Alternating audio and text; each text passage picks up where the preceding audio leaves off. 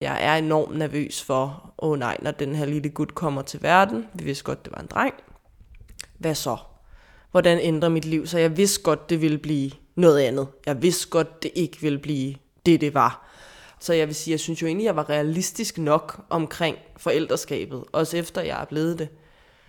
Men alligevel, så ramler det jo fuldstændig, da jeg så skal føde Thor, og jeg går i fødsel. Du lytter til spejlet. Tusind portrætter. En generation. Jeg hedder Sara Fondo.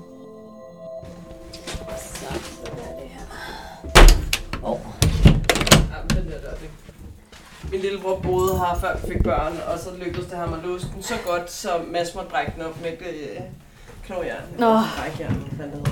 Og hvor længe har I boet her? Øh, siden 17. Ja, okay. Og så købte vi det i 19, ikke? Ja, Det er Thors værelse. det er Thors værelse. Ja. Og så er der noget køkken. Ja, så badeværelset her, ikke? Det er sådan en klassisk gammel lortbadeværelse. Ja. Det er bare, Yeah. det er jo min mands barndomshjem, vi har købt. Nå. Vi smed et nyt køkken i, fordi uh, det var efterhånden mukken, ikke? Ja, ja. Men så er I begge to forholdt? Ja. Nå, det er lidt sjovt. Ja. Og det er så... Det er øh, Marks værelse. Værelse. Det er en lille mand. Og så, men det er totalt dog helt ret, altså. Det kan jeg så for morgenmaden. Jeg tror ikke, jeg er den eneste, der har en lidt forskroet forestilling om, at det at få en baby skal være den her ekstatiske lykkesrus. Men jeg tror også, at virkeligheden formentlig ligger meget langt fra den forestilling. Det gør den i hvert fald for Louises oplevelse med at blive mor. Og det er, hvad spejlet handler om i dag. For som 24-årig, der bliver Louise gravid. Og det er ikke nogen dans på røde roser. Tværtimod. Der er en mørk og bulrende fødselsdepression under opsejling. Men Louise fortæller ikke nogen om det. Hun lyver faktisk. Men hvorfor gør hun det? Louise, vi sidder i din øh, stue, her i dit hjem i Holte. Og skal vi ikke måske bare lige prøve at starte med, at du ja, fortæller sådan, hvor, hvor sidder vi henne? Hvordan ser her ud her? Jamen, vi sidder hjemme i, i min stue med rod og kaos fra børn i morges, og øh, alt, hvad der nu er omkring os, af billeder af børn og tegninger fra børn, og øh, et enkelt billede af mig i en brudekjole fra før vi fik børn, og, øh, og så har vi en mindevæg med alle de store minder fra vores liv sammen i vinkasser, som hænger med ja, alverden billeder af børnefødder og aftryk og en flaske champagne, der blev poppet, da jeg blev født. Og er der noget her, der sådan har en ekstra særlig betydning for dig? Det er nok den sidste, jeg nævnte. Øh, champagne, som blev poppet på hospitalet den dag, jeg selv blev født. Og jeg har en man til fra min første fødte, Thor, som min far poppede, da han blev født. Så det er lidt blevet en familietradition, at vi gør det. Og Louise, vi skal jo netop snakke en masse om børn i dag, har jeg lyst til at sige. Og så, og så alligevel ikke helt, men, men derhen af. Øhm, fordi for tre år siden, så står du med en positiv graviditetstest i hånden. Kan du prøve at fortælle, hvad var det så for tanker, der begyndte at vokse inde i dit hoved? Jamen, det var tanker som, kan jeg finde ud af det her? Kan jeg være en god mor? Er jeg for ung? Jeg var kun 24, da jeg blev gravid første gang.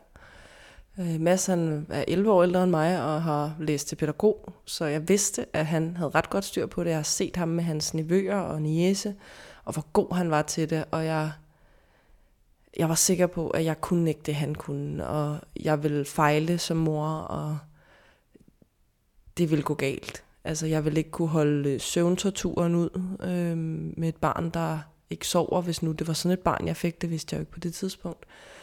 Jeg var nervøs for diagnoser, om, om jeg fik et barn med diagnoser, eller om han skulle have Down-syndrom. Øh, ikke at der er noget galt i det, men det var bare en kulmination af alle tankerne på, åh oh, nej, hvad gør jeg hvis? Øh, ikke så meget. Altså jo, jeg tænkte også i abort, men det havde ikke noget med det at gøre. Det var bare hele min frygt for, om jeg ville blive en god mor.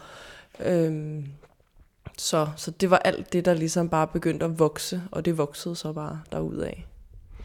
Men du vil gerne have børn på det her tidspunkt, ikke? Jo, øh, jeg tror, var meget planlagt.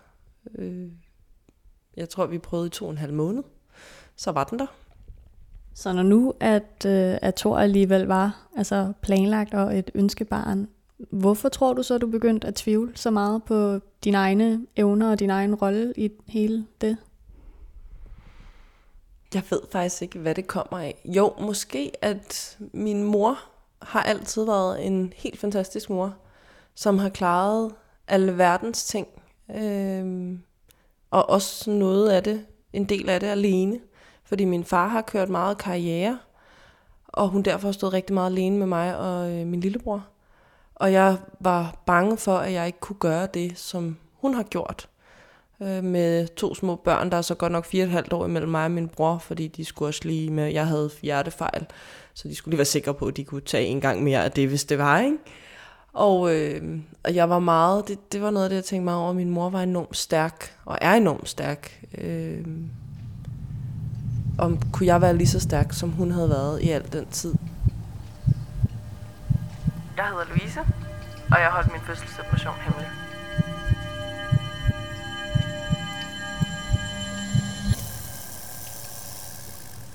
Og fra de her altså indledende tanker, hvordan udvikler det sig så i løbet af din graviditet? Omkring syv og en halv måned, der, der bliver det rigtig slemt, og, og jeg vil sige, filmen knækker fuldstændig. Jeg bryder sammen over ingenting. Jeg bliver mere og mere i tvivl, om jeg kan det her, og jeg synes, det var rigtig hårdt ikke at få min søvn om natten allerede som gravid fordi jeg skulle op og tisse hele tiden, og man fylder jo som en val, og man kan ikke vende sig, og så snorkede masser, så var det det, der kunne få hele natten til at blive ødelagt for mig. Ikke? Så, så jeg var meget nervøs for, at det her, det kunne jeg ikke klare. Jeg var ikke lavet af et stof, der kunne klare at have et barn, og, og tage vare på barnet og mig selv og alt det her. Og så er det, at vi kommer til jordmorsamtale, som man jo er til, øh, og bliver, jeg blev fuldt tæt inde på Rigshospitalet, på grund af min egen hjertefejl. Så vi havde egentlig snakket ret meget med hende i forvejen. Og jeg havde sagt til Mads, at han ikke skulle sige noget, og alligevel så vælger han, thank God, og, og sige til, til jordmoren, at jeg havde det ikke godt. Og, og de får så prikket lidt til mig, og der skulle så ikke så meget til, så bryder jeg fuldstændig sammen ind i den her konsultation. Og vi bliver enige om, at op til fødslen herfra, skal vi komme der ind en gang om ugen. Og det gør vi så, og vi får nogle rigtig gode snakke, og hun, som hun siger, jeg er rigtig god til at fodre. Der er to ulve, man fodrer den positive og den negative. Jeg fodrer ligesom kun den negative, og nu skulle jeg fodre den positive. Og det prøver jeg også, og vi gør det lidt og sådan noget, men det er stadig det samme, og jeg er enormt nervøs for, åh oh nej, når den her lille gut kommer til verden, vi vidste godt, det var en dreng, hvad så? Hvordan ændrer mit liv? Så jeg vidste godt, det ville blive noget andet. Jeg vidste godt, det ikke ville blive det, det var. Så jeg vil sige, jeg synes jo egentlig, jeg var realistisk nok omkring forældreskabet, også efter jeg er blevet det. Men alligevel, så ramler det jo fuldstændig, da jeg så skal føde Thor, og jeg går i fødsel. Og her tillader jeg mig lige at opsummere lidt af Louises historie. Louise går i fødsel om natten, men Thor kommer først til verden den følgende aften. Louise er afkræftet. Hun er så grådkvalt, at hendes mand har talt for hende hele vejen igennem og hun har slet ikke lyst til at være der, hvor hun er. Og, øhm, og de tager vandet, og, og så går det da helt galt derfra, ikke? fordi så vil jeg hjem. Og, og det, det lyder helt åndssvagt. Jeg, inderst inden vidste jeg jo godt, at jeg ikke kunne komme hjem, men lige det øjeblik var jeg jo sådan, jamen jeg skal hjem. Det kan I godt glemme. Jeg skal ikke føde nu. I må vente, der går nu. Jeg er ikke klar. Og de var jo selvfølgelig forklaret, at et, du har en nål i ryggen, du kan ikke gå. To, vandet er taget, du føder snart, så hvad vil du helst? Øh, føde med smerter, uden smerter? De vidste jo godt, at jeg ikke kom til at gå nogen steder, så de tog den også sådan lidt. Nu, du kan altså ikke. Så, så vi ender med, sjovt nok, at blive. Derfra bliver det også ret tåget for mig. Masser fortalt, at tårne bare trillede, og at jeg bare kæmpede mig igennem det. Altså, det var bare sådan en, nu skulle vi bare have det her overstået. Det var ikke, fordi det var sådan en, ej, jeg glæder mig. Jeg glædede mig ikke. Jeg synes ikke, det var fedt, det vi var i. Og så er det, jeg skal presse øh, igen. Fordi der var en, en presse mere. Skal nok lige nævnes, at øh, jeg ikke kunne mærke min egen vejer på noget tidspunkt i det her. Jeg får ligesom bare at vide, at du har presse du skal presse nu. Og jeg tænker bare, hvad sker der? Det, det kan jeg ikke mærke. Så der står faktisk en og fortæller mig, at jeg skal presse. Og det er faktisk overjordmoren, som var kommet ind og hjælpe den jordmor, der var på vores. Hun hed Maja. Og da hun så kommer ind og står bagved, og jeg har presset og presset og presset, og jeg kommer til det her med, at jeg ikke kan mere, så er det, at hun, hende den ene jordmor, kigger op på overjordmoren, og, og så nikker hun ligesom bare, og så får jeg at vide, at jeg skal presse, og så kan Mads og jeg jo begge to se, at hun med hænderne går ned og prøver at åbne op og hjælpe Thor ud. Og ud kommer Thor og op på min mave, og så ligger han hos mig et kvarters tid, og jeg får født moderkagen også, det skal man gøre bagefter. Og så er det, jeg siger, tag Thor, tag Thor, jeg vil ikke have ham, flyt ham, put ham over et andet sted. Og det der også var, udover at jeg synes, det hele var for meget, og det var meget voldsomt, så havde de også valgt at køre, jeg kalder det en omvendt brødrester ind over os, sådan så Thor kunne holde sig varm. Men man kampsveder jo efter sådan en fødsel, så det var ikke lige det, man sådan havde lyst til. Så Thor røg over til sin far, og jeg fik lov at ligge i et par timer, mens jeg blev syet, og bare ligesom lukke øjnene for det hele. Og det er så her tankerne om at stikke af og tage livet af mig selv ligesom starter. Jeg hedder Louise, jeg havde lyst til at stikke af, da jeg blev mor.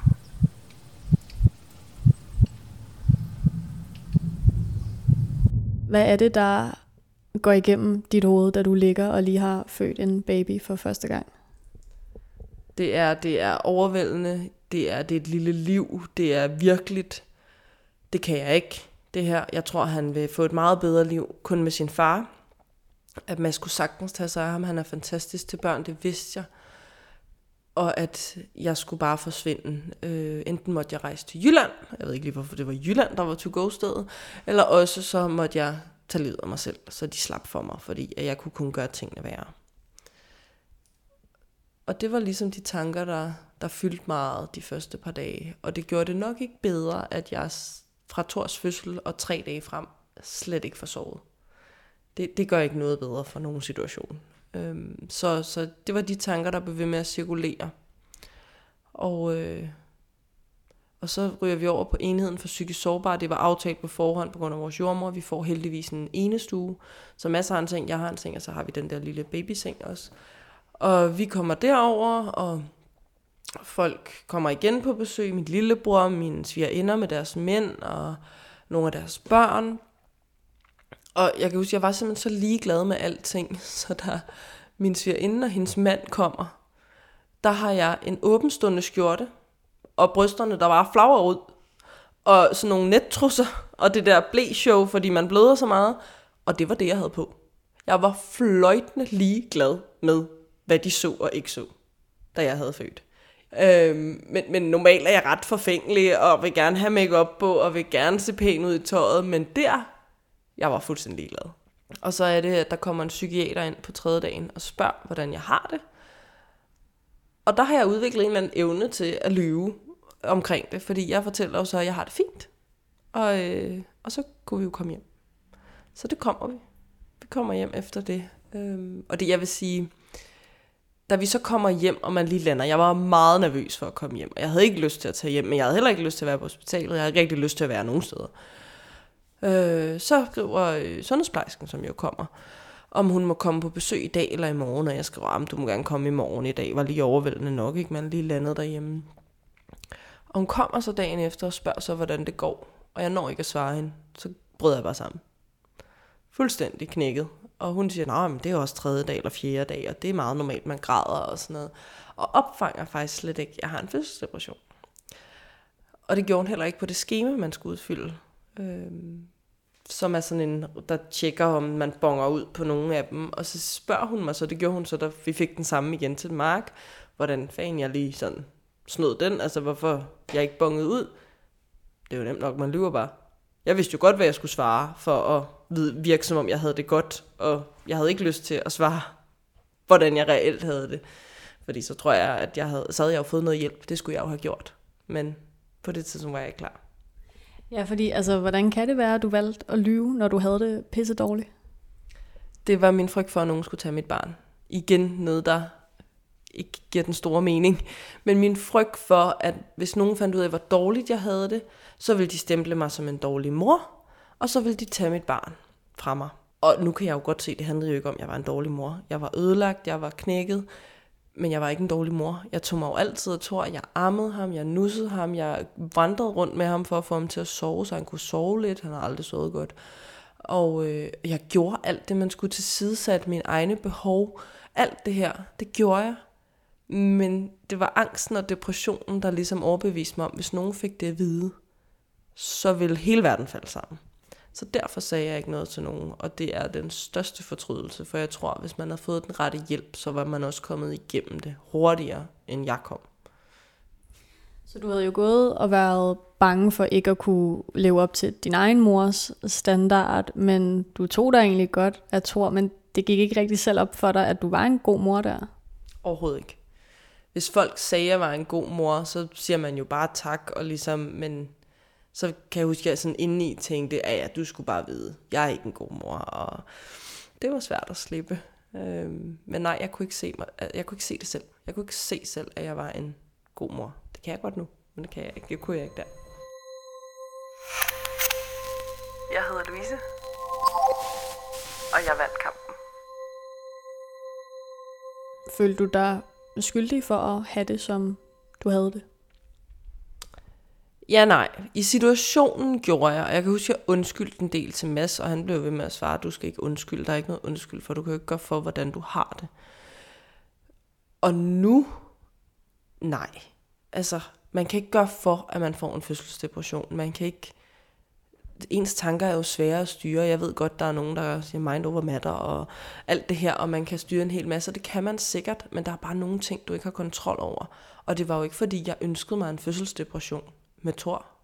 For helvede. Ellers tak. Altså, hvis jeg kunne have været det for uden, så ville jeg det jo gerne. Men nu var det sådan, altså nu er det sådan, landet ligger. Jeg havde en fødselsdepression. Men i det havde jeg dårlig samvittighed, for jeg havde dårlig samvittighed over for Mads i, og med at han stod der med et nyfødt barn, han var endelig blevet far, og øhm, så, så altså, det var jo hans helt store drøm, der var gået i opfyldelse, og så står han der med, med drømmen, og alligevel med en kone, der bare er fuldstændig ødelagt. Altså, fuldstændig. Og det skulle han jo også tage sig af. Han stod og lyttede ved døren, når jeg gik ud for at tisse, for at tjekke, om jeg græd. Han holdt sig vågen om natten, øh, fordi jeg sad og, og ammede og græd. Der var, nogle, der var mange nætter, hvor jeg brød fuldstændig sammen, fordi jeg bare, som jeg sagde til ham, jeg kunne bare så gerne sove. Og han prøvede at sige, så pumpe ud, så giver jeg en flaske, og det havde jeg, altså, det havde jeg slet ikke overskud til at kunne få ind i mit hoved, så det endte altid med, det var mig selv. Og det var først, da jeg akut blev opereret, der tog jeg et halvt år, at han får lov at tage den første nat med ham. Fordi jeg insisterede på at stå med det hele selv, og jeg, insist, jeg var sikker på, at jeg ville være en dårlig mor, hvis min mand tog en nat med barnet. Og øh, hvad var det for en Louise, du så i spejlet under den her periode? Det var en knækket kvinde og en knækket mor. Øh, og en, der skulle finde sin plads i, i sit nye liv, og det var meget forvirrende, og man var man var så træt, så man ikke engang kunne overskue, hvem man så skulle blive til. Så det var en ødelagt, en meget ødelagt mig, jeg stod og kiggede på. Og ikke den, jeg plejede at se i spejlet.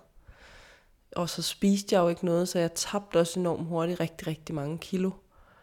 Øh, og jeg havde ikke make op på, og det er jo min helt store. Jeg går ikke ud af en dør uden make op, det ved alle, der kender mig.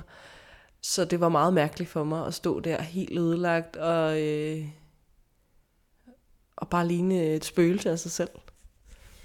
Og hvad, sådan, hvad vil du sige er det vigtigste, du har lært af at være igennem alt det her? Man rejser sig altid igen. Og øhm, hvis der sidder nogen derude, der ligesom måske gennemgår det samme, eller går med nogle af de samme tanker og sådan noget, har du nogen råd, du kan give videre? Bed om hjælp er nummer et af dem alle sammen. Det er altid okay at bede om hjælp. Det var jeg enormt bange for. Så bede om hjælp. Øhm, man vil nogle gange blive overrasket over, hvor det kommer fra. Men om det er venner, familie, professionelle, lægen, gå op og sig det til lægen, hvis det er den vej, man vil gå. Snak med din partner om det. Fortæl, hvordan du har det. Og øh, ja, det der med at bede om hjælp. Hvad fanden var det andet, jeg lige tænkte? Vær åben omkring det. Snak om det det, altså, det var forfærdeligt at gå med den der følelse, jeg havde i så lang tid. Og da jeg for første gang åbner lidt op omkring det, det var, det var en lettelse. Det var som, at der blev flyttet en sten fra min skulder, at, og man begynder at kigge lidt i det, at man ikke er den eneste i verden. Så snak om det, snak med dem, du har lyst til, men, men snak om det, sig det til nogen. Øh, og det kan godt være, det er hårdt at sige, og man må godt bryde sammen, og man må godt blive ked af det. Jeg brød også sammen, da jeg skulle fortælle det her til min mor, og det var vel at mærke, da jeg var gravid med nummer to, at jeg valgte at fortælle hende om det. Og min far. Så snak om det, og bed for guds skyld om hjælp. Lad være at gøre det, jeg gjorde. Det kan ikke anbefales. Altså, øh, når man kigger på folk, der har fødselsdepressioner, øh, ud over mig selv, og man læser om det, så ligner det umiddelbart, at dem, der får hjælp, kommer bedre igennem det, og hurtigere igennem det. At mit har trukket ud, at, at der skulle barn nummer to til, at jeg for alvor rejste mig. Det er længe. Det er meget længe. Der er et over 10 måneder imellem mine børn, så, så det er længe, man går med det. Så forhåbentlig med professionel hjælp, for der er professionel hjælp, og der er masser af det, så går det bedre. Så hvordan gik du alligevel fra at ligesom føle, du ikke kunne sige det til nogen, at det her det var din hemmelighed, til rent faktisk at, ja, altså turde sidde og snakke med mig i et radioprogram i dag? Jeg vil sige øh, små skridt, fordi det starter jo med, at man deler lidt, og så hvis man er heldig, får man også lidt respons på det på den gode måde, at der ikke er nogen, der sidder og slår dig i hovedet og siger, at du er sådan en idiot, men at der rent faktisk er nogen, der anerkender dine følelser, og, og det er okay at have det, som man nu har det. Og der tror jeg også bare, at jeg har været heldig. Jeg er selvfølgelig også omringet af et godt netværk og familie, og, og der er ikke en eneste, som bare har sagt, sukket op. Altså, og så blev jeg jo også klar over, jo mere man selv læser om det, at det er helt normalt, og det er okay, og der er ikke nogen, der kommer og tager mine børn. Altså, de kan bare komme, fordi der er ikke noget at komme efter. Øh, men altså, ja, for mig gik den jo nærmest fra, at jeg var dødsens bange for, for det her, til at, som jeg sagde til mig, at de kan bare komme og, og kigge. Mine børn har det godt, mine børn er glade, mine børn trives, øh, vi trives, jeg er en god mor, men så en fandens god far. Altså, så jeg, jeg vil sige små skridt og, og tid. Og så er vi altså ved at rende ud for tid her i programmet. Men er der en aller sidste ting, du kunne have lyst til at sige? Godt kæmpet. Hvis du eller en du kender skal være med i spejlet, så skriv til os på Instagram.